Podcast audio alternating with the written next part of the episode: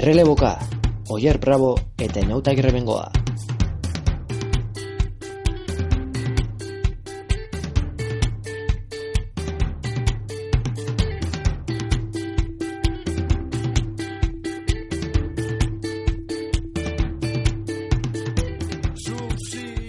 Kaixo entzuleok, kongi etorri aste honetako saiora, astero bezala hementxe gaituzue, erreloboka joetake, aritzeko pres. Datozen minutetan, txerrindularitza profesionale, profesionalean, puri-purian dauden gaiei helduko diegu, neronek, nionta girrebengoak, eta ariaren bestaldean daukadan Oier Brabok. Kaixo Oier, Arratxaleon. Kaixo Ion. Gaurko podcastean, giroa eta emakumen bira izango ditugu mintzagai nagusi. Proa italiarrak hasiera nahiko geldua izan du, baina azken bi etapek zeresan handi eman dute. Horietan, Euskal Ziklismoak txamponaren bi aldeak ezagutu ditu, eta blokauzko etapak hankaz gora jarri du zailkapen nagusia. Podcastaren lehen blokean, gora bera horiez eta aste honetan, giroak zakarrenaz hitz egingo dugu. Nola nahi, egun hauetan, denez da giro izango. Esaterako, Euskal Herriko errepidetan goimaiako proba bat jokatuko da maiatzaren amazazpitik hogeita batera, emakumen bira. Buelturretik kanpo egonarren antolatzaiek lasterketa erakargarria tondu dute eta guk beronen xietasun guztiak emango dizkiko. Behin horiek azalduta, ez ezagun denbora gehiagori galdu. Aztadila, errelebokaren ama bosgarren saioa.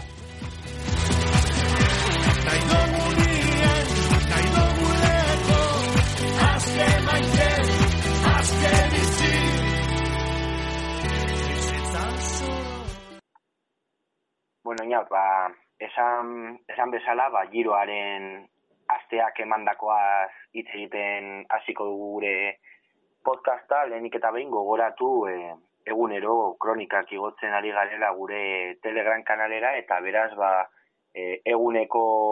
gure aportazioa, gure e, laburpenak eta esan beharreko guztia, ba, bertan izango duzuela e, gure Telegram kanalean, ba, entzun gai, eta horregatik, ba, bueno, e, oraingoan bakarrik ba gainetik errepasatuko dugu astean zehar gertatu dako astear asteak eman duena eta bueno informazio guztia entzun nahi duena ba gure Telegram kanalean baditu etapa guztietako laburpen laburpen horiek eh. etapa lehenengo etapa asteko lehenengo etapa ba etnan bukatu zena izan zen bertan Jan Polank eh Jan Polankek irabazi zuen e, ia saldian sartu ostean atzetik hil nursakarin eta gerain Toma sartu ziren, bosgarren etapan etapan e, esprinta izan genuen, Gabiria Marezko eta Benet, e, sartu ziren e, lehenengo hiru postu, postuetan, esprinta izan genuen baita zazpigarrenean. Kale figuan Gabiria eta Benet, ikusten dugunez, ba, esprintean ez dugu errege handirik izaten, e, iguanek irabazi du, Gabiriak irabazi du, Greipelek irabazi du, beraz, ba, bueno, e, irabazle ezberdinak etapa, etapa askota izan ditu baita esprintean. E, beste iesaldi bat ailegatu zen zeigarren etapan, osteguneko etapan, Silvan Bilierrek irabazi zuen Jasper Stubenen aurretik. Atzetik Lucas Postelberger sartu zen eta Simone Andreta eta gero beste at, e, urrengoa Michael Booth Zion Yates eta bueno ba, momentu horretan zailkapen nagusia lehiatzen ari ziren ba, beste txerrindolari guztia ba, denbora berdinean sartu ziren. Gero, komentatzeko edo gutxienez e, aportazio txiki bat egiteko edo egingo dugun lehenengo etapa izango da larun batekoa. Zortzigaren etapa bertan, gorka izagirre gaien duzen e, bai esaldi baten ostean, ba, Bizkonti eta Luis León Sánchezen aurretik sartuta, bertan izan genuen ba e, txirrindolari Euskaldunen lehenengo etapa garaipena.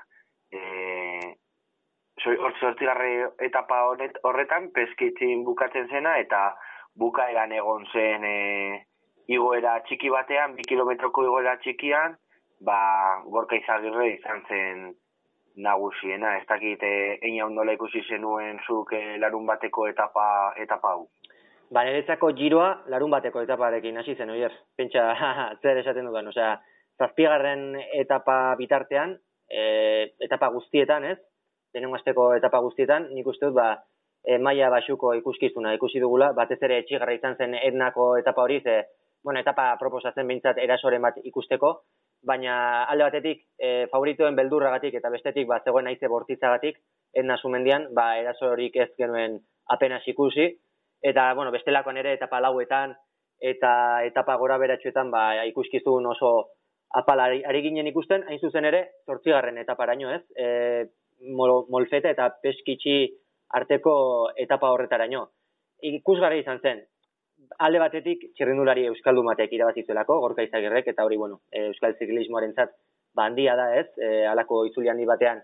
e, garaipen bat eskuratzea, e, txirrindulari euskaldun batek, baina horretaz gain, ikuskizuna hor oso polita izan zen, hor ikusi genuen e, lehenik eta behin, ba, iesaldi oso jendetsu bat, kalitate ikaragarriko jendea zegoen bertan, azkenean, ba, iesaldi horietan, ba, indartsuenak e, gaiendu ziren edo indartsuenek egin zuten distira, hor zeuden, ba, Gorka Izagirre bera, Giovanni Visconti, Luis Leon Sánchez, ba, maia benetan, honeko txirrindulariak, e, gero e, Valerio Conti ere hor zegoen, eta momentu askotan, ba, bera izan zen e, giroko liderra, baina kontua da, ba, azkeneko biurgunean, edo, bueno, azkeneko biurgunean, azkeneko kilometron behintzat hor biurgune batean, lurrera joan zela e, Valerio Conti, e, izagirrek, Bizkontik eta Sánchezek azkenean lehiatu zuten garaipena, eta malda pikoietan, peskitxiko malda pikoietan, ba, gorka izagirrek ikaragarrizko maila erakutsi zuen, erakutsiz, ba, gregario fina izateaz gain, ba, txirrendulari oso ona ere badela, e, lider bezala, edo, ba, etapa izan aritzeko, e, ba, bertuteak badituela, eta benetan ba, gogoratzeko moduko etapa bat, gorka izagirreren zat, eta oro ba, euskal zale guztien zat. Argi dago nairo kintanak ba, urrezko, urrezko gregario bat badaukala, e, gorka, gorka izagirre urrezko gregarioa badela, eta beste asko baditu ikusi genuen e, urrengo etapan, orain komentatuko dugun etapan, beti esategu eskairen tren txutxua, baina movistarren tren txutxua ikaragarria izan zen azken, azken kilometroetan bederatzi garren etapan. Bederatzi garren etapa hau, Blohausen bukatzen, bukatzen zen, igandekoa izan zen, e, askorentzat e, giroko e, maldarik edo e, mendaterik e, garrantzitsuena gutxienez e, zaiena zaiena izan zen edo hala esan, esan zuten adibidezin urtzakarinek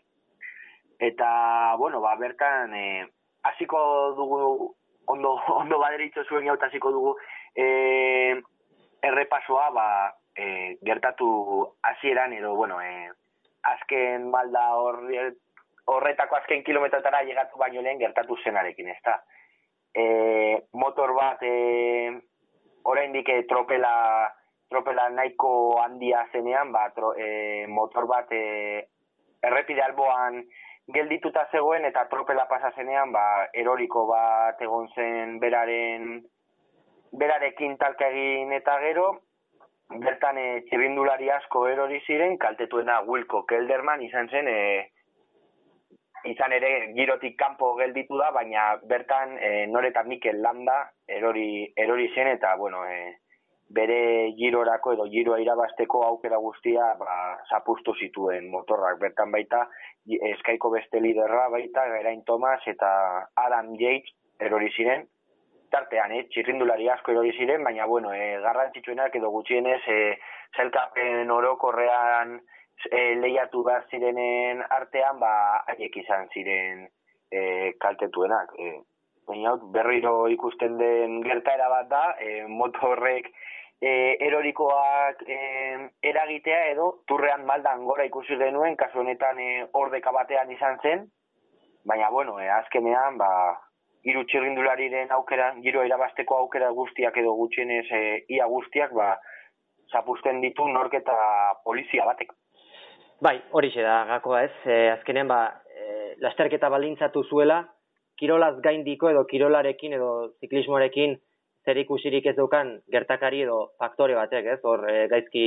e, gelditutako motor batek ze bide bazterran gelditu zen, baina bide bazterran oraindik bide barruan, errepide barruan eta oraindik ba bazeukan tartea, ez? Motorra e, ezkerrera gora mateko ez dakit matxura izan zuen, e, poliziak, italiako polizia horrek edo zulature bat edo ez dakit zer gertatu zitzaion edo motorra hola e, brastakoan gelditu zitzaion, baina kontua da beharrezen lekuan gelditu zela eta kito eta benetan ba traketx jokatu zuen eta lastima da ze giroa benetan ba baldintzatu egin zuen eta egingo du aurrerantzean ere ze hor, e, ba, bueno, lurrera joan ziren gizonak ez ziren, edonor eta ez dira, edonor, e, ziren, ba, bueno, e, giroari begira, favorito nagusitzat zitezken, ba, bai, txirrindulari nagusietako bi behintzat, Jerain Tomas eta Mikel Landa, gero, Wilko Keldermanek ere, ba, esperantza batzuken behintzat e, top, amarra, top amarrean sartzeko, eta lastima da, ez, e, benetan ba... Adam Yates barta, baita Adam Yates ere, bai hori da, bai, bai. Favorito bezala jo dezakegu, baita. Jo dezakegu, noski. Hau, ba, top amarren baino agian, top bostean sartzeko ere, ba, bada autagaia, edo bazen autagaia, e, e, bueno, ba, gertakari hau jaso baino lehen, orduan, ba, pena da, ez? E, zeresana, eman barko ez luken elementu batek, horrenbesteko zeresana ematea eta horrenbesteko garrantzia izatea, e, giroa bezalako, lasterketa handi baten bilaka eran, benetan, ba, pena garria, eta iraganturrean, e, atzo podcasten ere, labur pentsuan aipatu nuen, e, turrean ere, gogoratuko duzu oier, ba, zer gertatu bai, zen momentun, zer gertatu zen momentun. Urteko irudia. Urteko irudia, baina hori ere, ba, motorrak eragin da botorra brastakoan gelitu zen errepide erdian, eta ba, muturrez aurrera joan ziren, Richie Port eta Chris Froome bestak beste uste, uste du bauke molema ere hor zela tartean, eta pentsa zeiru ikusi genuen e, Chris Froome aldapa gora korrika, e, koitxadua, e, zinean, bizikleta gero azkenean e, antolatzen bizikleta hartu zuen, ba, eta gero azkenean ba, ba, ba badakigu zenolako larradaskeria egin barri izan zuen antolaketak, edo bueno, e, zenolako e, adabakia jarri barri izan zuen, ba, kalteak e, bueno, minimizatzeko edo. Kasu honetan, ba, kalteak ezin daitezke minimizatu. E, Mikel Landak e, hogeita zei, hogeita zazpi minutu galdu zituen elmugan, Jerain Tomasek bost, beraz, ba, akabo giro hauentzat, ikusi beharko da, e, Mikel Landak e, jarraitzen duen, e, probak egin dizkiote, ez du usturarik, mini ez da, ze kolpe galant hartu zuen, eta ikusteko dago, murgiak... Twitterrera igo zuen irudia itzela, eh? Itzela da, Nola, itzela da hanka bat bestea bestearekin konparatuta agian e, bikoitza edo ikaragarria ikaragarria. Horregatik e, ikusteko dago ba ze ze hautatuko duen, ez? Motivazio aldetik nola egongo den, prest ikusten duen bere burua etapa izan aritzeko edo ba era bat bea jota dagoen eta eta etxerako bidea hartzen duen. Nahiko nuke e, gelditzea eta nik uste dute denok hori nahi dugula, ze Mikel Landak bertute eta doain handiak ditu eta ba bueno, berreskuratzen badu pixka bat umorea eta sasoian nik uste dute ona zeukala, beraz, ba, etapa izan oraindik aritu eteke eta etaparen bat irabazi dezake, baina, bueno, ikusi beharko da. Dena den ba hori, esan dagoa, lastima eta pena ikaragarria, eta aserrea ere, ere bai, ere bai. Bueno, eta gero ja, eh, kirola puri-purian kontuan hartuta, ba, lehen esan bezala, ba, mogistarrek txutxua jarri zuen, e, talde guztia tiraka jarri zuen, eta, bueno, gero nairo kintanak, ba, errematatu egin zituen egin zuen e, bere taldekiren lana ba azken kilometroetan eraso bortitzak mm. egin zituen eta bueno ba e, Pinot izan zen e, Tibot Pinot izan zen e, e, urbilen egon zena edo beraren bai. beraren gurpiletik gero atzetik etorrita Tom Dumolan baita e, urbilu zitzaion Pinoti azkenean e, batera sartu ziren hogeita lau segundura eta agian e, kirol tartean gut, sorpresatik handiena ni bar izan zen e, nahiko aguantatu zuen e, nairo kintan eta tibot pinotekin, baina azken kilometroetan ba, e, ikaragarri atzean gelditu zen eta minutu bat galdu zuen oso bai. denbora gutxian. E, bauke mole maberak baita aurre hartu zion eta berrogeita bat segundura llegatu zen gero Potso Bibo, Tanel Kangert, Ilnur Zakarin, Reikenbak eta Formolo llegatu ziren hori izan zen topa marra. Ez dakizuk nola, nola ikusi zuen nuen egin hau, Nairo Quintanaren nagusitasuna agian esperotakoa, baina, bueno, argi eta garbi, sorpresa nagusiak edo sorpresa ikandienan, ni baleiren ezina eta tondu molinen, e, tondu molanen, e, paper ikaragarria. Ah, niretzako e, dudari gabe zusteko handiena tondu molanen jarduna da ez. Ze atzoko igoera, e, eskalatzaile petoentzako igoera zen. E, amairu kilometro, euneko bederatziko batazudesteko penditzarekin, hori eskalatzaile puruentzako eta jende harinarentzako igoera bada. Eta Tom Dumolan orain arte, ba, e, bueno, ziklista astuna zen, eta batez ere, ba, erlojupekoetan e, espezialista zen e, txirrindulari bat, ez?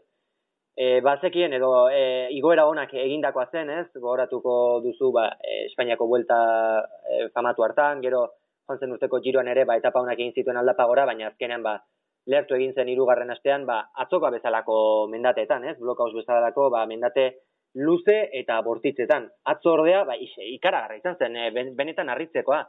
Alde batetik, ba, hasieran atzean gelitu zen, bauke molemarekin batera, eta baziruden, ba, bueno, e, beste hainbat txerrendularik bezala, ba, denbora desente galduko zuela helmugan, baina buruz jokatu zuen, bere erritmo hartu zuen, eta pixkanaka, pixkanaka, ba, pinoten gana urbildu zen molemarekin batera, eta iritsi ere bai, e, pinoten gana iritsi ere bai, eta azkenan ba, pinotek ere asoren bajo zuen, baina berriro ere, e, Tom Dumolan, ba, bere gurpilera iritsi zen, eta hori da, harri ez? Azkenen, ba, Dumolan, Tibo Pinot bezalako eskalatzaile baten e, maian aritzea atzokoa bezalako portu batean, eta Nairo Quintanarekiko bakarrik hogeita lau segunduko galera izatea. Tom Dumoulin batek Quintanarekiko atzokoa bezalako mendate batean hogeita lau segundu galtzea, bakarrik, hori niretzako ikaragarrizko ez usteko da. E, hori, pixka bat, erloju, erlojuaren kontrako saio batera estrapolatuta izango litzateke, Quintanak e, Dumoulinekiko, ez dakit, e, hogeita lau segundu galtzea, ba, hogeita mar kilometroko saio batean. Hori ere, ba, pentsa ezina da, teorian, baina atzo, pentsa ezina, errealitate bihurtu zuen tondu molenek, eta ikusi beharko da, hemendik aurrera aldapagon goratze jardun izaten duen, ze atzo bezala jarraitzen badu, benetan tondu molan izan daiteke e, favorito garbi-garbi bat, eta ustez, Quintana eta Nibaliren arte, artean bizi behar zen buruz buruk hori, Quintana eta Dumolenen arteko buruz burukora pasako litzateke, ze bi hoien artean egongo litzateke giroaren e, leia, beti ere, ba, tino, tibot eh, pinoten aukerak ere kontuan harturik. Agian, e, niretzate, irukote hau interesgarria izan daiteke, irukote honen arteko leia interesgarria izan daiteke zergati. Nairo Quintana eskalatzaile puru-purua delako, tondu molin, e, erlojuaren kontrako espezialista puru-purua delako, gero bakoitza e, beste aldean baita, nahiko ondo jarduten da, baina, bueno, beraz, e, e, berez tondu molin ezin dugu eskalatzailetzat jo, eta bai e, erlojoaren kontrako e, espezialista puru, puru, purua dela esan dezakegu, eta gero bestalde, bat ibot pinot, eskalatzailea badela, eta erlojoaren kontra ez doala gaizki, bai. tarteko bat izan daiteke, e, beti horbigarren postuan egon daitekela, bai e, iru, iru hauen artean beti esan, esan nahi dut, e, erlojuaren kontrako saioa berez, Nairo Quintanak baino hobeto egin beharko luke Tibot Pinotek,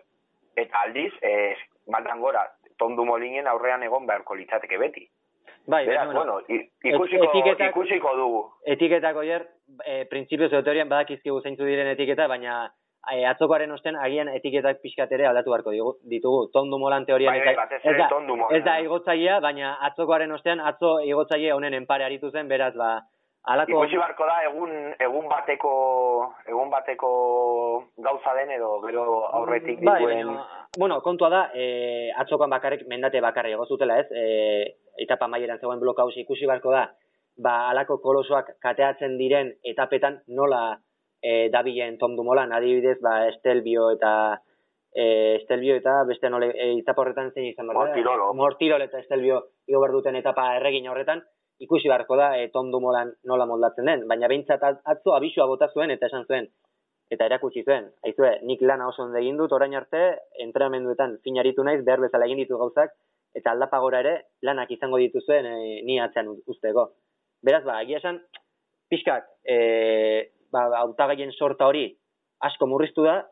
baina era berean, nik uste dut leia oso polita ikusiko dugula, izan ere, gauzak nahiko ireki gelditu dira oraindik, ba, garaipen, garaipenari dagokionez. Hiru hautagai sendo daude, eta eskotan hori izaten da, hiru hautagai sendo, hautagai garbi bat, eta lau erdipurdizko hautagai izatea baino. E, gertatu denarekin bukatzeko, salkapen nagusia errepasatuko dugu, eta gero, ba, e, aste honetan gertatuko dena, edo gutxienez, e, eta peke emango dutena errepasatuko dugu, e, Nairo Quintana lehenengo postuan dago, e, bigaren postuan hogeita sortzi segundura tibot pinot, hogeita ama segundura tondu molan, hogeit, e, berrogeita maikara barkatu bauke molema, minutu eta amarrera bintzentzo nibali, eta minutu eta hogeita sortzira Domeniko Potxobibo. Hori ez dira, e, bi minutu baino gutxiago galduta mm. dituzten txerrindularia. Gero, hilur zakarin da aurrengoa, baina ja da, ba, bi minutu hogeita sortzi segundo galdu ditu. Beraz, bueno, ba, hiru hautagai alde batetik ni ustez eta beste hiruak bestetik, ez? Nairo Quintana, e, Tibot Pinot eta Dumolin e, alde batetik eta bestalde, Molerma Nibali eta Potso Bibo. Hala ere, e, Nibali badakigu, ba, bueno, e, podcasta hasi baino lehen komentatzen genuena, e, azkenean, e, badakigula e, bet, e, txerrindulari oso veteranoa dela. Zakur zarra. Zakur zarra, eta gian, ba, atetik aurrera joateko kapazitatea izango duela, beraz, ikusiko dugu. Bai, oier, eta pixkat, sailkapenari begiratuta baita guztut interesgarria dela, atzokoan, ba, galtzaiak zeintzuk izan ziren aipatzea ez? Aipatu dugu, honenak zeintzuk izan ziren, ba, pixkat txakalalde izan zutenak, eta ba, izatez duten maila, baina beraxeago ibili zirenak, e, aipatzere, ba, bueno, e, uste dute egokia dela, e, aipatuko ditut hemen izen batzuk, alde batera utzi berdera nire ustez, ba, motorraren gertakari horretan, ba, bere burua ba, implikatuta ikusi zutenak ez, adibidez, ba, Adam Yates edo, edo Geraint Thomas, hauek galera handi izan zuten, baina eroriko horretan izan zirelako. E, eroriko horretan ez ziren izan, eta hala ere, maila oso kaskarra eman zuten, badibidez, Steven Cruzuikek. Steven Cruzuikek e, iru minutu galdu zituen, elmugan, naiz eta e, iragan urteko giroan, ba, bere izan, aldapagora, ba, indartsuena, fase handi batean ez, edo giroan, ba, ia etapa gaienetan, bere izan zen aldapagora, txerrendularirik sendoena, atzokoan iru minutu galdu zituen iaia Neiro Quintanarekiko, Gero, e, TJ Bangarderen ere aipatu behar da. TJ Bangarderen ezagutzen dugu, ezagutzen ditugu bere ahulguneak eta bere indarguneak eta tira, ba, atzo bere oiko txakalaldi horietako bat izan zuen eta azkenen ba, iru minuta eta berrogeita zei galdu zituen Quintanarekiko eta eskerrak Ben Hermansen taldekidaren laguntza izan zuen ze bestelagian ba, galerari handiagoa zateken. Nik uste dut galtzaien nagusiak bi hoiek direla, oi besteren bat aipatuko zenuken. Bai, bueno, ni kuriositate bezala... Eh, Bob Jangels egin ere, bai. Bai, eh, bueno, Bob Jangels azkenean badakigu nolako txegin bilaria den, iru minutu galdu zituen, ni ustez eh, esperotakoa edo izango ditzatekin agian pizkat gehiago, baina, bueno, azkenean ba, favoritoa etzen eh, topa mar bat egiteko, bai, baina, bueno, azkenean eh, ama bigarren postuan zelkatu da, eta ni ustez, ba, topa mar horretan sartzeko ba, leian, hmm. leian egongo da, eta kuriositate bezala, eh, batzuk orandik esperantzak zituzten, eh, Patrick Conrazengan, e, bueno, ba, ama minutu galdu zituen, e, badakigu oso ondo ibilizela e, Euskal Herriko itzulean, baina, bueno, azkenean, ba, e, lehenengo etapa menditzu honetan, e, bueno, bigarrenean, ba, ama minutu galdu, eta ja, ba, oso, oso atxan gelditu da zailkapen nagusi horretan. Eta, bueno, inaut, ba, ondo bai dituzu hasiko gara aurrengo asteko menuarekin. Bai, e, astegia esan nahiko interesgarria dugu aurretik oraindik ba, e, mendatek ez dute horrenbesteko protagonismorik izango, protagonismo batez ere hirugarren eta azken astean izango dute, baina aste honetan ere izango dira etapa garrantzitsuak eta sailkapen nagusiari begira ba zeresana emango dutenak, batez ere agian biharko etapa. Biharko erlojupeko luzea, 39,8 km izango ditu eta aipatu behar da ba, nahiko gora beratxo izango dela, lehenengo, ba, igoera, lehenengo kilometroetan, ba, ordekean e, joango dira txirrindulariak, ondoren, amabi kilometroren ostean, San Markore egobarko dira, hor aldapatxo bat izango da, ondoren San Markotik jetxi, eta beste ba, ordekatxo bat izango da, bueno, sasi ordekan joango dira, ze hor, ba, e, ibilbidea ez da laua, eta azkenik, ba, azken kilometroan gutxi gora bera, azken bi, biru kilometroak, ba, berriz ere aldapa gora egingo dituzte, Montefalkoko elmugara iristeko, beraz, e, erlojupeko luzea izango da, e, bueno, zaila, eta gainera, e, ibilbide, edo bai, ibilbide gora beratxua izango duena, beraz, tondu malenek abantai izango du, bai, erlojupeko bat delako, baina dena den, ba, abantaia ez du horren handia izango, kintana arekiko adibidez, e, behintzat aldapa gora batzuk badaude, aldapa batzuk badaude, eta hoietan, ba, kintanak agian tartea apur bat ba, murriztu dezake dumolanekiko, dena den, eta honen ostean, ba, elitzateke harritzekoa, ton dumolan ateratzea maia arroxa jantzita hoi hartzuk e, erlojoaren kontrako hau nola, nola ikusten duzu? Bai, bueno, azkenean zuk esan duzu guztia, den azpian edo sinatu, sinatu egingo nuke. E, oso etapa gora beratxua, eta nire ustez, ba, e, batez ere, ton dumolan, e, arrozaz jantzeko, jantzeko balio duen e, erlojuaren kontrako etapa izango da. Ia berrogei kilometrokoa, nahiko luzea, diferentziak egingo ditu, e, beste baten bat, e, beste favorito bat, favoriten arteko leia handia izango da, eta haietako batzuk atzean gelituko dira, Bob Jangels bezalako txegindulari batentzat oso egokia, aurrera joko du seguro, e, denbora irabaziko du, topa mar horretan sartuko da, eta bueno, ba, e, azkenean, e, mendiko etapa handi baten ostean, e, hau sartu eta e, asko horrekatuko da e,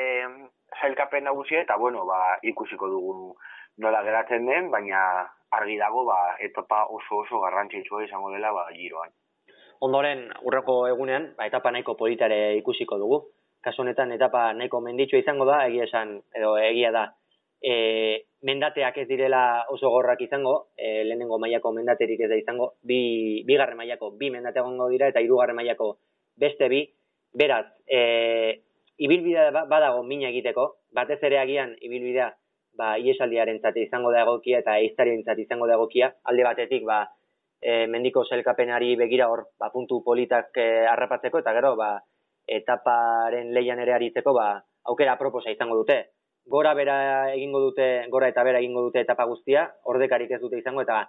gauzak ala, ba, agian tropelaren zat kontrolana egitea, ba, zaila izango da, eta dena den uste dut, ba, kontrolana egiteko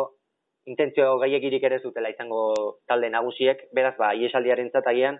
ba, etapa oso aproposa, eta agian, iesaldiari begira dauden taldeek, ba, gorriz markatuta izango dute etapa hau. Gero, sailkapen nagusiari begira, ba, zaila dirudi, e, etapa honetan, ba, diferentzia handiak ikustea, agian, ba, azkeneko mendatearen ostean, eta gero, aldapa bera, baten bat, animatzen bada, ze, azken... Pinot,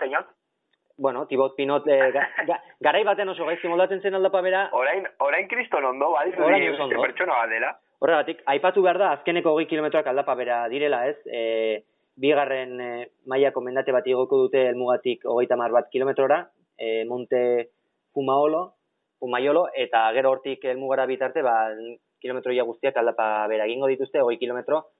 Beraz, bueno, baten bat animatzen bada, bagian ba, segunduren bat edo segunduren batzuk urratu ditzake, baina hoi errezak nola ikusten duzun, baina nire ustez behintzat e, zelkapen nagusiari begira alaketan dirik ez dugu ikusiko, eta ponetan. Zelkapen nagusirako nire ustez e, aukera bakarra edo mugimenduak egoteko e, aukera bakarra da e, nibali, e, nibalik e,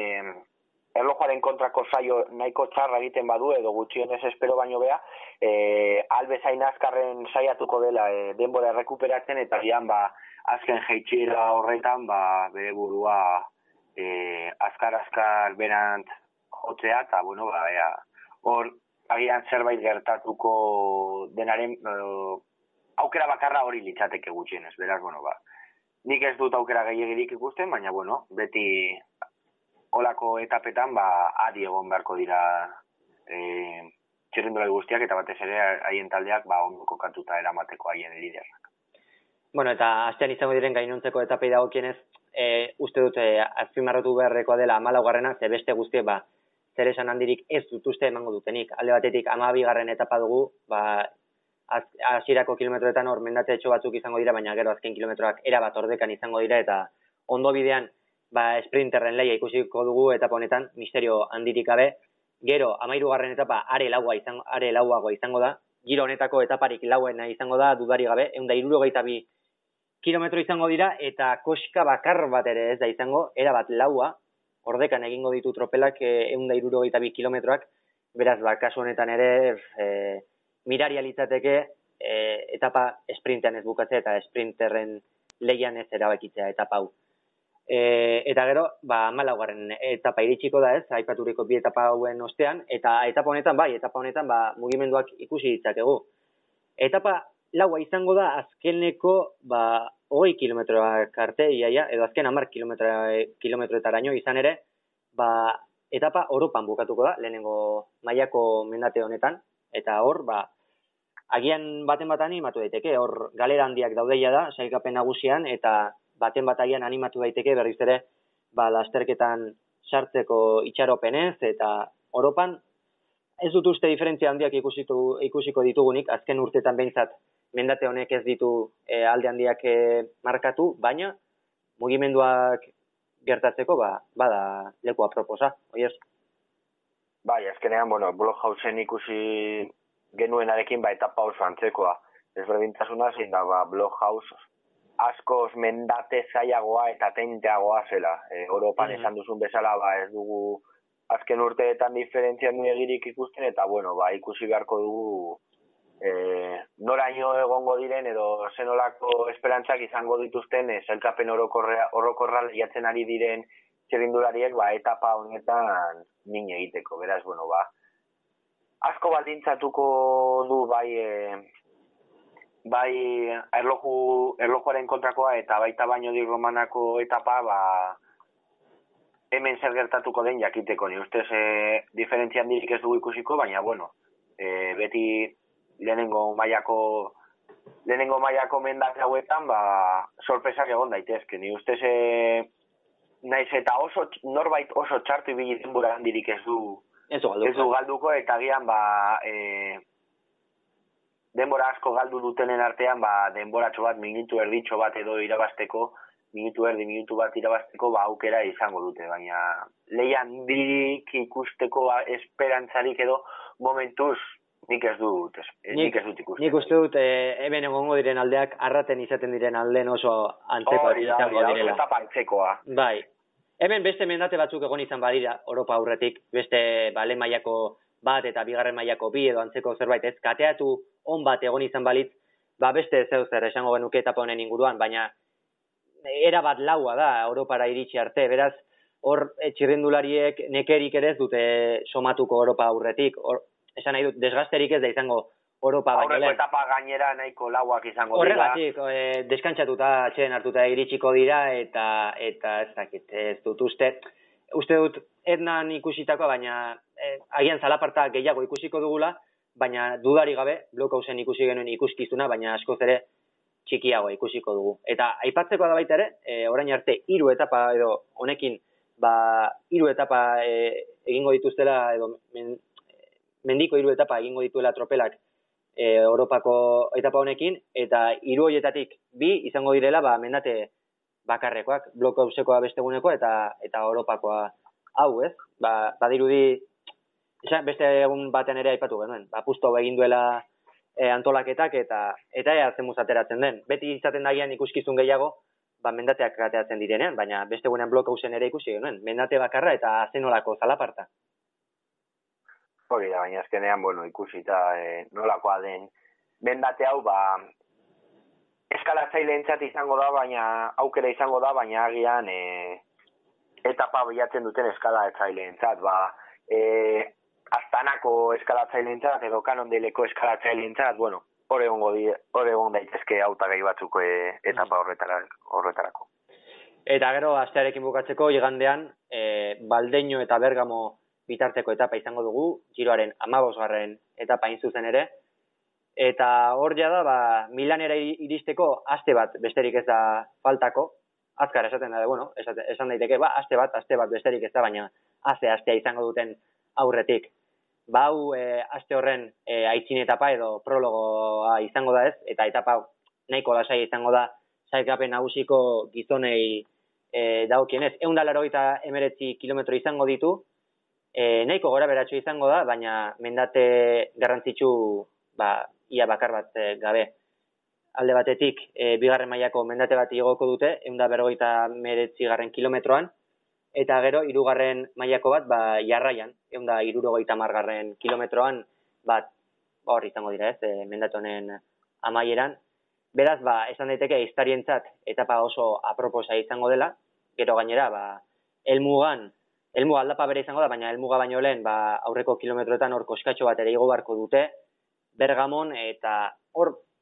aukera egon daiteke, ba, mugimenduak e, ikusteko, ba, iztarien aldetik, eta iesaldian seguruenik, ba,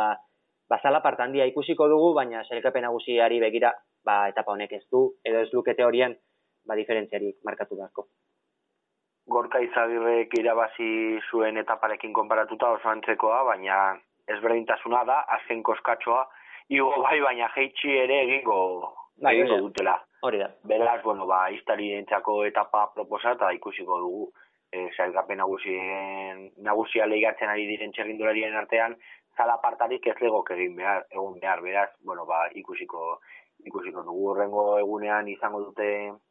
atxeden eguna baita ere, urrengo astelenean, eta bueno, ba, ikusiko dugu, baina uste salapartarik ez da ez da gongo etapa honetan e, salkapen nagusia ligatzen ari diren txirrindularien artean. Ba, hor, ziurrenik iesaldiaren zat gainera ikusita, iesaldiek orain arte ba, e, nolako arrakasta izan duten, etapa dezente irabazi dituzte uste baino dezente gehiago, hasita lehenengo egunetik, postelbergerren eraso horrekin, iesaldi ezen izan, baina tira, ezen behintzat esprintan bukatu eta tropeletik ateratako gizon batek irabazi zuen etapa eta hortik hasita, ba, pentsatzen bat ez usteko ikusi ditugun, e, Silvan Dilierren etapa, e, Polanken etapa, Gorka Izegirreren etapa, beraz, ba, iesaldiak arrakastatxu dabiltza, eta aste honetan, ba, bi etapa bintzat badituzte, e, berriz ere, ba, e, iesaldia elmugaraino eramateko. Eta bueno, bai, egia, egia da asko, e, gertatu dira, egia da bai. arrakastan dia lortzen ari direla, baina egia da baita e, meritu hori badaukatela eta atzetik e, esprinterren taldeak e, edo taldeak e, egin beharreko lana egiten ez duten bitartean, ba, haiek e, iesaldiek e, aprobetsatuko dutela, eta beraz, ba, bueno, hori ikusten ari gara, eta ustez, horrek egiten ari duela giro hau interesgarriago. Bai, bestela. E, azken bi etapa hauek kenduta, e, maia azken urteetako, ba, kaskarrena ba, basuena, bai. ustez izaten ari da. Batez ere tropelaren utzikeriagatik, ez? Hor garbi dago, iesaldiek arrakasta lortu dutela alde batetik, ba, gauzak ondo egin dituztelako, lanean fin aritu direlako, baina bestetik horretarako gakoa eta giltzerra izan da, eta iesaldi bat elmugari iristen denean ia beti hori izaten da, tropelaren utzikeria. Tropelaren utzikeriari gabe, ba, iesaldiak e, nekez lortuko luke elmugaraino iristea beraz, ba, mm, nik uste dut horrek garbi erakusten dela, eta baita ere harrigarria bada, ez? Sprinterren taldek eta, ba, bueno, oraindik etaparik irabazi ez duten taldek aukerak e, ba, horrela galtzea, ez? Alferrik galtzea, baina, bueno, oraindik egunak badaude aurretik eta eta hemendik aurrera, ba, giro bizixiagoa ikusten dugun. Bueno, ja, ba, ondo gaderitxozu, e, giroarekin bukatu eta emakume emakumeen birari helduko diogu orain. E, aurten ere, maiatzean ba izango dugu e, emakumen bira eta bost etapa izango ditu. E, egia da e, parte hartzea ez dela beste urteetan izan zena edo izan zenarekin konparatuta e, berdina, baina bueno, e, txerundolari interesgarri batzuk edo izango ditugu. Esan dute baiatzean berriro ez, e, pasa, e, pasaren urterate apirilean izan zen eta bueno, ba,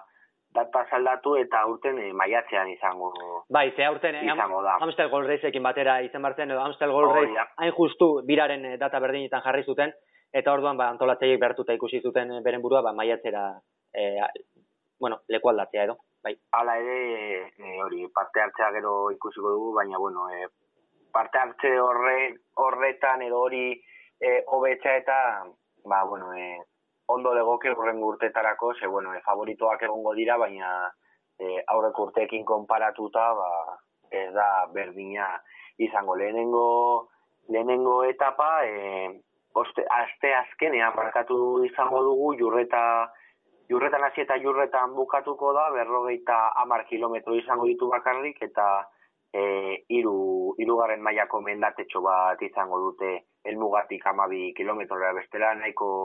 nahiko eta palagoa izango da inaut, e, kontaktua hartzeko batez ere hor, e, mm. abadino jurre eta durango tarte horretan elorri baita, elorri baita pasatuko da, e, bizkaian hasiko da, e, kontaktu hartzeko etapa egokia. Bai, hankak berotzen hasteko eta pixka ba, neurri hartzen hasteko e, bueno, e, lasterketari ez, hemen ba, e, ziklista nagusien edo e, bira irabazteko autagai nagusien artean ez genuke edo teorian ez genuke ikusi beharko la mugimendurik, hor hirugarren e, mailako mendate bat bada, baina nahiko motza da eta elmugatik emabi kilometrora dago, hemen agian baten batek saiakera egingo du, baina onbo bidean behintzat ba, etapa sprintean bukatuko da, edo bueno, talde, talde bateko, eh, bai, sprintean azken batean, ez? Agian talde hor murriztuko da, irugarren mailako mendate horretan, baina betieren ikuste dut e, sprint jendetsu bat ikusiko dugula jurreteko elmugan.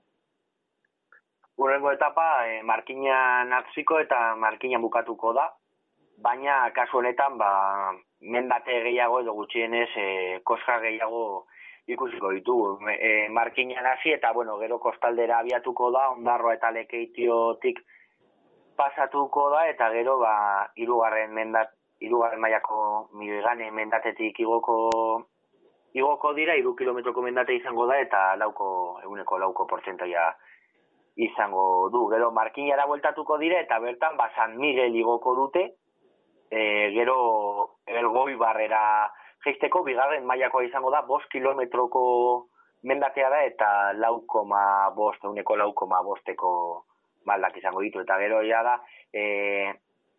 azken berrogei kilometroak, e, nahiko lagoak izango dira, beti bezala Euskal Herrian, ba,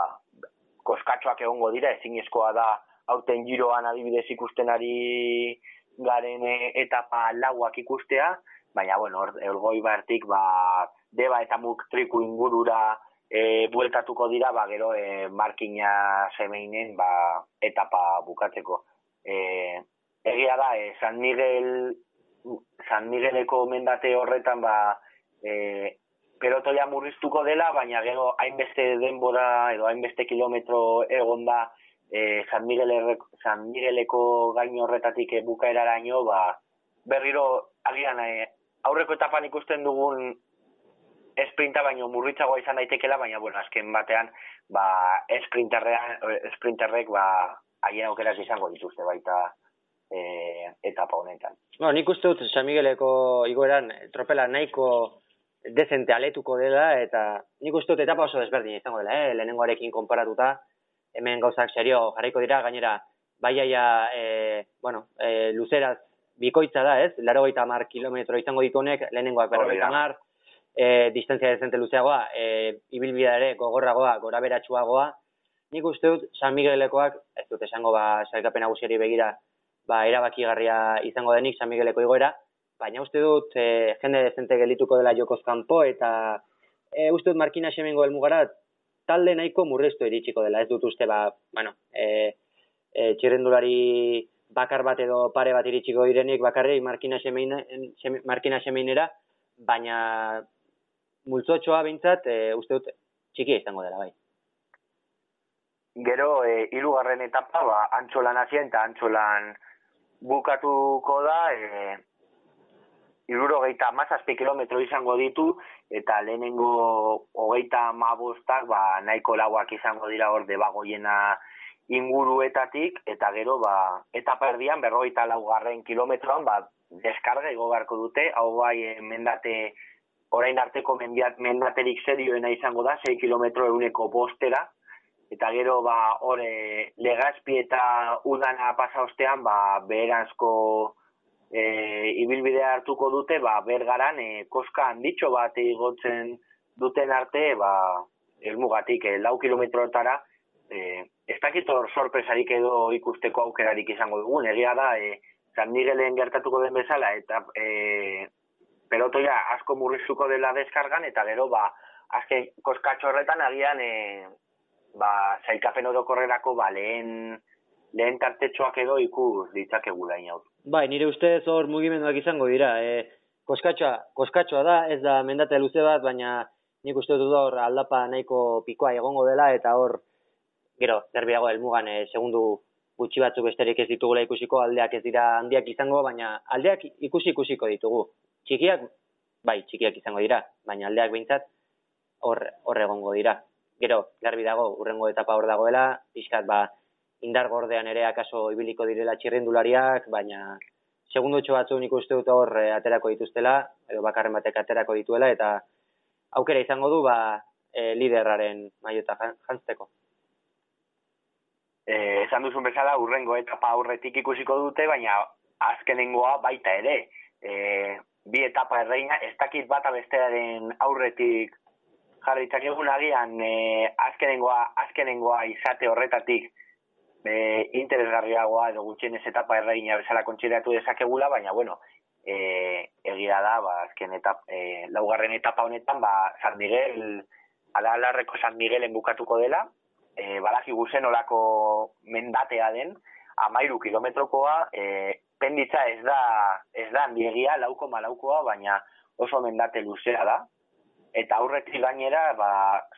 zuarrarte, zuarrarte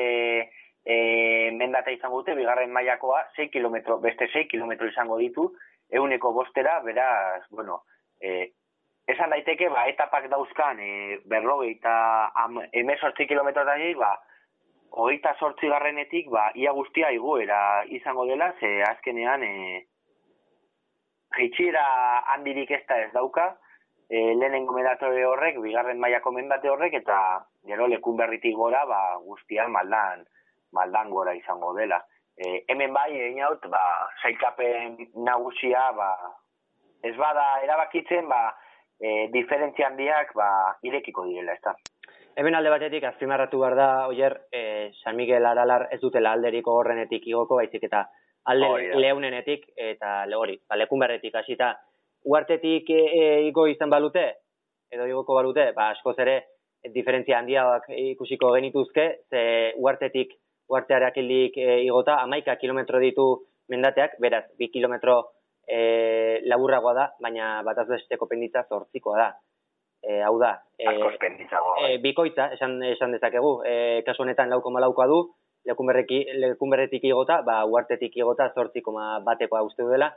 beraz, ba, eta gainera, konton hartu behar da huertetik igota, e, bidea zementuzkoa dela, beraz, ba, hor, marruzkadurak ere, ba, bere papera jokatzen du, eta asko zere igoera zailagoa da, ez, huertetik igota. Dena den, lekun berretik e,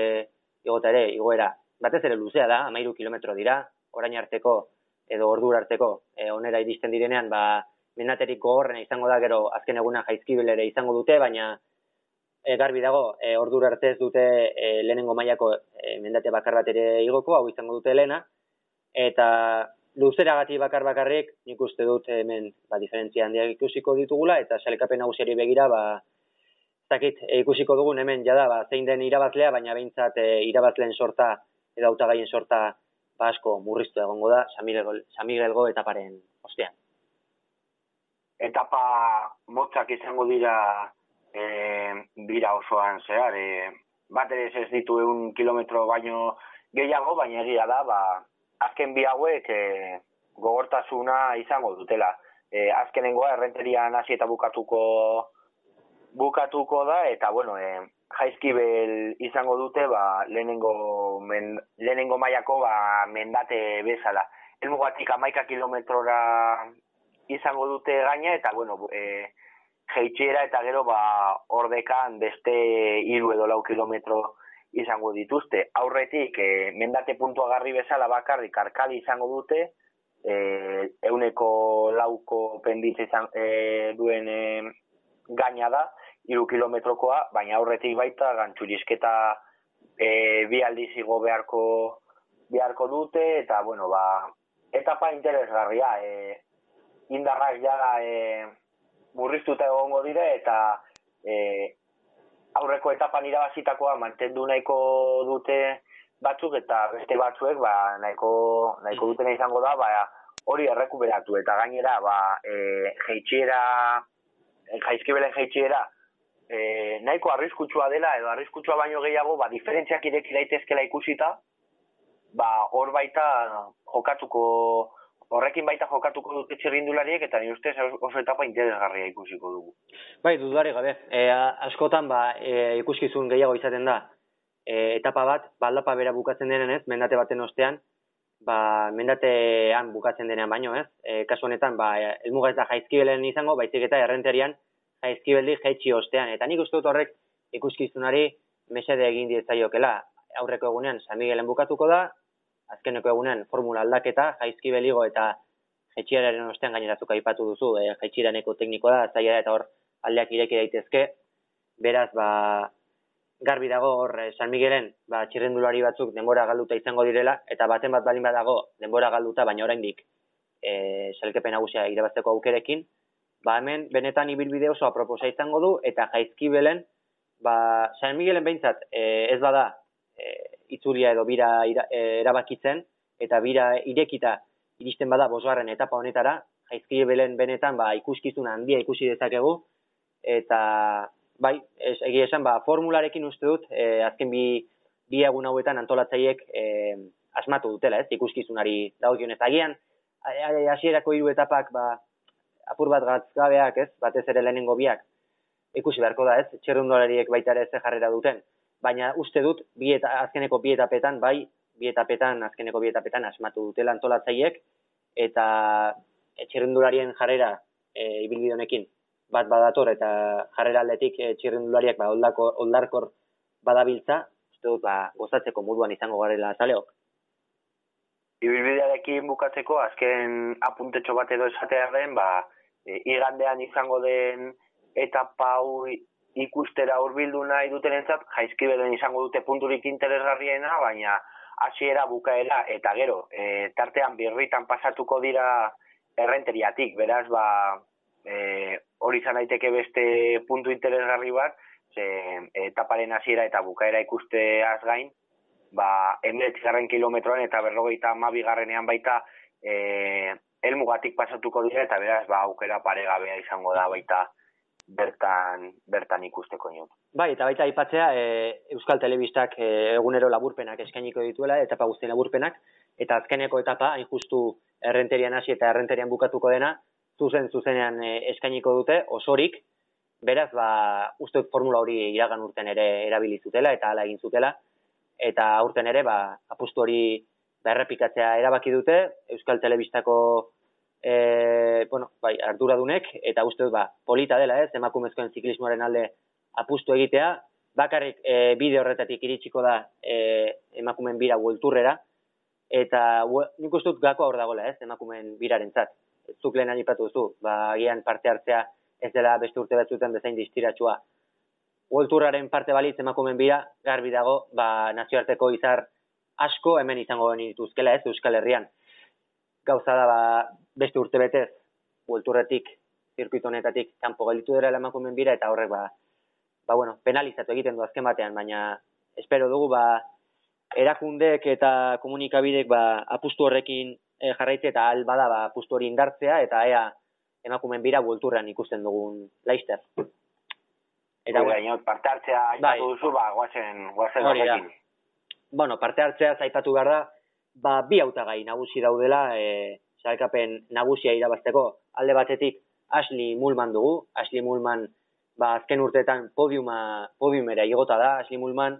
iragan urtean e, irugarren egin zuen, okerrez banaiz, e, aurrekoan laugarren, eta orain dela iru e, bigarren, uste dut izan zela Asli Mulman, beraz, ba, e, badaki Asli Mulmanek e, zer egin behar den e, emakumen biran ondo aritzeko, eta eskarmentua badu, eta hankak ere bai, denboraldi honetan nahiko ondo dabil, e, ardenetako irukotean emaitzonak e, izan ditu, e, topa marrean sartu da hiru probetan, Gold Racen bederatzi garren izan zen, Flashen seigarren eta Lies Baston Liesen seigarren, gero Festival LC Jacobs e, itzulian irugarren izan zen, selkapen nagusian, Valentziako setmana ziklistan e, baita ere irugarren, beraz, ba bueno, e, podium dezente ikututa, e, e, iragan edo iragan, e, nahi dut, e, urte, aurtengo sasoian, eta gainera, lehen esan dakoa, ez, e, daukan eskarmentua e, Euskal Herriko, bueno, emakumeen e, biran, e, 2006an bigarren eginda, eta e, 2000, ez, e, 2008an laugarren eginda, eta 2008an bigarren eginda, eta agian hautagai nagusi nagusia bera izango da, gero, koska bat berago, baina honekin batera hautagai nagusi bezala, anemiek ban bleuten izango dugu, horika e, taldeko erberetarra. E, hau, bagian, espezialistagoa da e, e, egun bakarreko probetan, eta agian ba, itzulietan, astebeteko itzulietan ez da mulman bezain erregularra eta ez ditu mulmanek e, dituen emaitzak ez, baina Euskal Her, e, emakumen bira uste dut e, podiuma ikututakoa dela, anemiek ban bleuten, orain bertan dut gogoan ze urtetan, baina zango nuke podiuma zapaldutakoa dela, eta beraz, ba, bi izen hauek aipatu beharko genituzke batez ere, gero, frantze deseko sara gilu, gilu ere batzuk sartzen dute kineletan, hautagai nagusin artean, nik e, aipatutako biak baina berago aipatuko nuke e, sara gilu, hau ba, bueno, erlojoaren kontra ondo moldatzen da, egun bakarreko probetan ere bai, baina zakit, aste beteko itzulietan mulmanen mailan ikusten duan. Zuko jer, hautagai nagusien zerrendan nola ikusten duzu? Bai, nahiko, nahiko ados esan duzunarekin, ez alde batetik, Ashley Moonman naukagu, e, Laster txapelketa gehien ezagutzen duen txirrindularia bera da, favoritoen artean, eta beraz, ba, horrek eh, favoritismo horretan edo zailkapen horretan koska bat gora goni jarriko nuke, baina bestalde batetik daukagu e, horikako anime ba, bleuten, eta zeratik esaten dut horikako, ba, horikak dara mantaldea izugarria, izugarria delako. Berarekin batera, e, Gracie Elvin dauka, e, aurten oso ondo e, dabilen txerrindularia, batez ere e, eh hasieran ibili zen ibili zen ondo, gero berarekin batera baita Katrin Garfut izango du eta batez ere berarekin izango du Amanda Esprat, beraz, mm -hmm. eh irut hiru taldekide izugarri izango ditu bere, bere aldean egia da Amanda Esprat aurten ez da bilera oso ondo, eh irabazi zuen eh Australiako Santos World Tour, Women's Tour irabazi zuen, baina hortik aurrera ez da bere mailarik gorenean ibili e, ardenetako irukotean ez zen, bere mailan bere mailan egon, baina bueno, beti kontuan kontuan hartzeko txerindularia. Eta, bueno, gero, e, Gracie Elvin ez da oso famatua e, txerindulari australiarra, baina e, ondo da bien txerindularia da, e, ardenetako irukotean ez da ezen bere mailan egon, baina e, aurretik e, behin baino gehiagotan ikusi dugu batez ere ai, bere taldekiden alde lanean, estrade bianken izugarrizko lana lan egin zuen, eta bueno, ba, ikusi beharko da, nietzate gregariorik onena bera da, eta bueno, ba, ikusiko ikusiko dugu. E, Asley Moon alde batetik, esan bezala, lasteketa hobeto ezagutzen du, favorito e, bakarrik egoten favorito nagusia bera litzateke, baina, bueno, gero anemia ban bleuten, ba, bere taldekidekin batera, ba, e, autagaitza sendotza, oza, sendoa daukatela uste dut. Zuk taldea aipatu duzu ez, horikaren talde txarra eta agian ba, talde indartsuna e, aurtengo emakumeen biran ba, horikak izango du. Gero, mulmanen e, txerbelo ere aipatzeko da ez, talde nahiko polita eramango baitu emakumeen birara, e, mulmanekin batera, Clara Kopenburg izango da, gero Txetxile Utrup Ludwig ere bai, honek, e, ba, bueno, maia oso polita erakutsi zuen e, Valentziako itzulian, eta gero e, Mari Bilman eta Kristina Perchtold e, izango dira hor, agian azken bi hauek ba, ez dira horren ezagunak eta hauek ba, lan egiteko izango dira, baina bai Kopenburg eta bai e, Ludwig ba, preste egon daitezke e, ez usteko emateko, eta beti ere, ba, mulmanen alde lan egiteko egongo dira, baina momenturen batean, aulgunen bat, e, aulguneren bat, balin badauka mulmanek eta ba, zelkapen nagusiaren lehiatik kanpo gelitzen bada, ba, luz guik utrupek adibidez, ba, ardezake mulmanen erreleboa, eta ba, hogeita bat urteko txerrendulari gazteak, ba, ardezake mulmanen papera, dena den, ba, ez du guzte, edo ni ez dut uste Ashley Mulmanek ba, alako aulgunerik izango duenik, eta uste du, ba, bueno, e, ez badu irabazten ba, top e, iruan ziur izango dela. Eta begero, ba, aipatzea, e, bestelakoan, ba, hainbat talde izango ditugula, guztira emezortzi talde etorriko dira emakumen birara, baina maila nahiko apale izango da, ez? Talde asko, ba, ba nahiko ez ezagunak eta txirrendulari, bueno, ba, batzuetan, ba, txirrendulari bakan batzuk onak dira talde horietan, adibidez da, bueno, e, Rasale Levitor dago, e, e, Doris Esbeitzer ere hor dago, e, Hanna Solobei, baina hauek ba, talde aldetik ba, ez dute horren talde sendoa ez, e, mulmanek eta banbleutenek izan dezaketen bezala, eta, bueno, beti izaten da ez, ona talde ona edukitzealako itzulietan, beraz da ikusi beharko da, zuk, oi arrezak nola ikusten duzun, e, autagai nagusi ez gain, dauden beste izen oiek nik aipatu ditu, Solobei, Esbeitzer, e, e, Ludwig bera ez, utrup Ludwig bera, e, Rasale Levi. Bai, pasaren, pasaren urtean oso ondo, bai. oso ondo ibili zen, e, batez ere azkenengo etapan, eta bueno, hor bere autagaitza izango du, baina ni ustez e, urrengo koska batean edo, e, bueno, lehen aipatutako Van Bleuten Gulman eta Gilouren azpian urrengoa, ba, aletxi polini taldea egongo litzateke. Mm, bai, e, artean. Agian bai. Marta Bastianelli edo agian daba dai batuz leitekin, ba, e, hau, haien aukerak izango, izango dituzte, gero hor baita daukatean esan Esteban Euskalduna,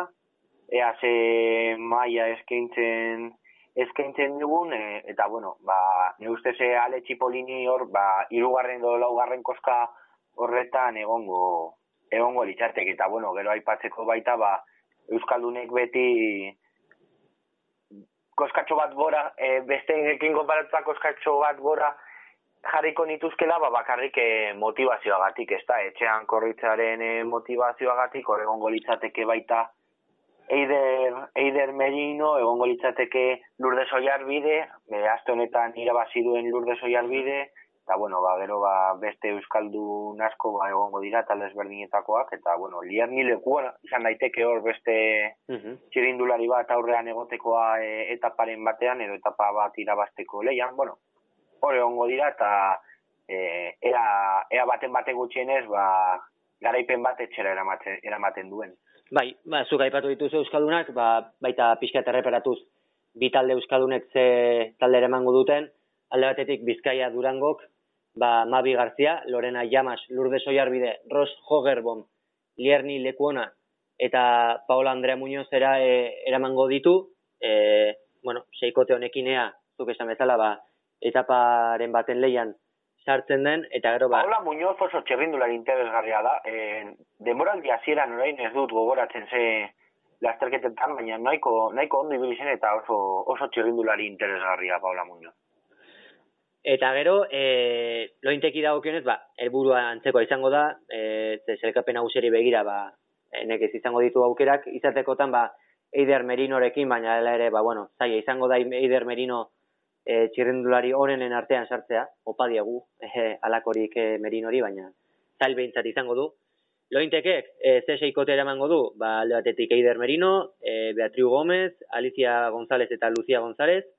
e, gero Albateruel eta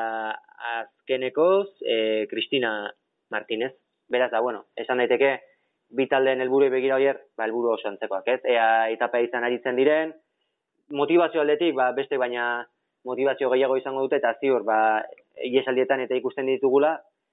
eta bueno, gero esatea, ba, zai izango dela, iesaldietan, ba, irabaztea, eta gero, ba, zer esanik ez, ba, selkapen nagusian, ba, bi talde hauetako txirendulariren bat ikusteare, ba, oso oso zaila izango da. Bai, azkenean e, etapa eiztari bezala ibiliko, ibiliko direk, ba, ikusiko dugu, ea lortzen,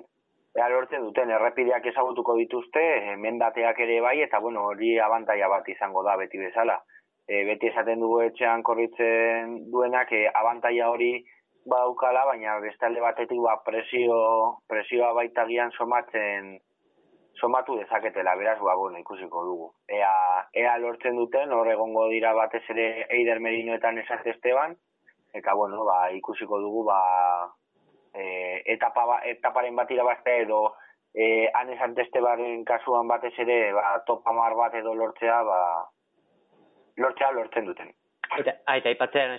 Sant Estebanez, ba, zorionez, osatu dela, izan zuen sustotik, goratuko duzuen zuleok, ba, nola auto batek garrapatu zuen eta ies egin zuen eta hor ba ospitalean eman behar izan zituen anek ba hainbat egun ba badirudi ondo osatu dela eta hortzi izango da ale txipolini taldean e,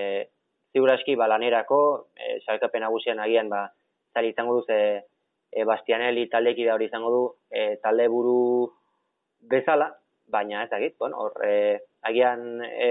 outsider bezala e, bere taldeak e, jarriko duan esan Esteban eta ea ba, distira egiteko aukerarik eh, duen errenteriakoak. Eta bueno, e, hau ere emakumen birare alde batera utziko dugu, eta hasiko gara emaitzaen errepasorekin hasiz eta agenda ere errepasatuz. Emaitzen errepasorekin hasiz, aste honetan, mota guztietako etapak izan dira giroan. Esprintean, gabiriak eta iuanek lortu dituzte garaipenak, iesaldien bidez gorka izegirrek, Silvan Dilierrek eta Jan Polankek, eta orain arteko eta barik menditsuenean, Nairo Quintana izan da indartsuena. Kolombiar, Kolombiarra maia arroxarekin iritsi da bigarren atxeden egunera. Bestalde joan zen astean, Dunkerkeko lau eguna jokatu ziren, Frantziako errepideetan, proba zei etapak osatu zuten eta zelkapen nagusiak ofidizeko Kleman Benturinik irabazi zuen. Zander Armeren eta Oliver Naesenen aurretik etapa garaipenak, Debuserrek, Demarrek, Tomasek, Sabanelek, Konobaloasek eta Petitek lortu zituzten. Emakumezkoen txerrendularitzari dagokionez, ostegunetik larun batera, Amgen Women's Race edo Kaliforniako turra izan zen jokoan. Zalkapen nagusia, Buels Dolmans taldeko Ana van der Bregenek irabazi zuen, baina lat sufrituta. Etapa nagusian, aurretik izan zuen, United Healthcare taldeko Katie Hall, eta azkenean, azken etapako gainsari bati esker irabazi zuen itzulea arberetarrak. Eta emaitzekin amaitzeko, Lurde Soiarbidek Espainiako kopako laugarren proba puntuagarri irabazi zuen, Alkobenda Siria sari nagusia, lasterketak, iruro geita kilometro izan zituen eta bertan jaun eta jabe izan zen Bizkaia durango, podiumeko iru kosketara, talde Bizkaitarreko txirrindulariak igo ziren lehena oiarbide izan zen, bigarrena Mabi Garzia eta hirugarrena Henke Bertzielen. Eta jendari dagokionez, aurrera darra Italiako giroak. Aste artean, ia berrogei kilometroko erlokupekoa izango dute aurretik txerrindulariek. Mendiko etapa nagusiak astonetan aldiz, aste azken eta larun batean izango dituzte. Lehenengo kasuan, mendate kateatuekin eta bigarrenean, Europa gainean bukatzen den etapa motzarekin. Esprinterrek ere haien aukerak izango dituzte, argiena amairu garren etapan. Eta gogoratu, Kaliforniako turra ere ari dira lehiatzen, pasaden igandean hasi zen eta larun batera arte luzatuko da, eta Norbegiako turra asteazkenetik aurrera, eta gaztela eta leongo itzulia ostirale eta igande bitartean, izango dira asteko beste zita garrantzitsuak. Esan bezala baita emakumezkoetan, emakumeen bira ospatuko da iaren amazazpitik eta hogeita batera arte, jurreta, makina, antxola, eltzarri eta erreinteria izango dira bost etapen hasiera eta bukaera. Laugarren eta bosgarrena izango dira, zailkapen nagusia erabakiko dutenak. Zanmier dalarraren gainean eta errenteriara ailegatu baino lehen jaizkibel igo beharko dutena. Egun bat lehenago aldiz, Durango, Durango klasika izango dute, ere emakumeek, eunda malau kilometroko proba hau, goiuria birritan igota bukatuko dute txirrendulariek. Emakumeen birarako prestakuntza ederra izango da beraz. Ba, bueno, inaz, ba, beti bezala, erreleborik onenarekin eta txakaraldiarekin bukatuko du. Ondo baderitzozu, ba, azaitezuk, e, Oso. Ez dakit, ez dakit zerekin, igual hasi bako ginateke txakalaldiarekin, gero ba, zapoionarekin bukatzen. Akaso, bai, ez, eh, txakalaldia lehen aipatu dugu, e, podcasta hasi aurretik, bakaso honetan, aste honetan, biok, ba, bueno, e, pertsona berari edo gertakari berari emango diogula, ez? E, atzo, bak, izue, lehen aipatu dugu, nola motor batek bat zapustu egin zituen bain bat txirrendulariren ametsak tartean zen Mikel Landa eta pena handi hartu dugu Euskal Zaleok baina baita pena da ba, e, Jerain Tomas ere aukerari gabe gelditu izana edo Wilko Keldermanek ba, etxerako bidea hartu izana. Alako gertakari baten ostean ba, nori begiratu hartzaio ba, antolakuntzari. Ze alakoen erantzukizuna azken batean antolakuntza dauka eta berarentzat da e, ardura ba, alako gauzak etorkizunan gerta ez daitezen, eta momentuan ere gerta ez daitezen, baina kontua da gertatu dela, eta orain e, antolakuntzak permatu beharra daukana da, ba, etorkizunan alakorik ez gertatzea. Gertatu dena, gertatu da, e, kaltea ia da ezin daiteke konpondu, eta hemen egin daiteken gauza bakarra da orain, ba, etorkizunan alakorik ez errepikatzea. Oier, ala, e, honen inguruan ze, ze esango zenuke edo baduzu. Gure gehiago ez luzatzearen behan sinatzen dut eta... Vale. Eta listo, lehen komentatu dugu honen inguruko goztia eta bueno, ba, berriro, ea berriro ez gertatzen den eta hau azkenengo azkenengo, horrelako gauza bat komentatzen dugu azkenengo aldia den. Eta bueno, iot, ba, e, bota zure erreleboriko nena baita. Ba, bueno, ba, erreleboriko nena, ba, hau zapore honez eta esan, lehen esan dutez, Euskal ziklismoak ba, txamponaren bi aldeak e, bizi dituela, azken egunetan, e, aurkian, edo, infrentzuan hobe da, e, Mikel Landa egongo litzateke, izan dako eroriko agatik, baina aurkian, ba, gorka izagirra izango genuke, izan ere, ba, etapa garaipena, garaipena lortu zuen eren egun, garaipen handia, eta pentsa izagirreterrek jadaze palmares duten, jonek e, giroan etapa dauka eta turren beste bat, iragan urtean irabazitakoa, orain gorkak ere giroan badu eta pagaraipen bat, beraz ba azea nahiak izagirretarak. Eta bueno, ba, nire, nire arreleboriko nena, ba, tondu molini. E, eta ez bere berak egindako Blockhausen egindako etapagatik, baita horregatik, baina batez ere ba bukaeran esan dakagogatik, ez da, e, agian bere bizitzako etaparik onena egin ostean, ba, galdetu zioten ea nola sentitzen zen, e, hain etapa hon egin eta gero, eta bera, ba, e, literalki, ba, kaka bat bezala e, sentitzen zela, esan zuen zergatik, ba, Wilco Kedberman bere, bere laguna eta e, bat, batez ere, batez ere laguna esan nuen, baina baita bere gregario fidela, ba, e, motorraren e, istripu esango dugu horretan, ba, erori eta giroa utzi behar izan zuelako. Literalki esan zuen, e, ingelesez, I'm feeling shit. Kaka bezala sentitzen naiz. Nahi. Eta gainera, e, suerte handia izan zuela, horregatik. E, bera baita oso hurbil pasatu zen, e, irudietan ikusten da nola pasatzen den hurbil hurbil e, motorretik oso hurbil. Eta horren ostean, ba, irugarren gelditu eta favorito bezala e, zelkatu zen edo, irugarren postuan, bera horrein da favorito nagusietakoa, ba, urrengo astean zehar e, maglia rosa jansteko, eta, ba, bueno, ba, batez ere lagun min baten edo e, beste taldekide bati ba, e, zerbait txarra geltratzen zaionean naiz eta zu hain ondo ibili e, hori esatzea eta batez ere hori sentitzea ikusten gaiorako hori benetan sentitzen duela ba, benetan mirestekoa eta nire nire erreleburiko nena, ba, tondu mola nena. Oso, doier, ba, ze, hemen txutziko dugu ez, ez gara gehiago luzatuko. Bada, bada, e, aste honetan giroan e, ba, beste bat etapa izango ditugu, eta hoien laburpenak, hoi bezala telegrameko kanalean izango dituzue, eta ba, ondorengo edo datorren astelenean, ba, hemen aste honetan gertatzen den guztiaren errepasoa egingo dugu, eta ba, giroaren azken asteari begirare jarriko gara. Bien bitartean, ondo bizi. Aio.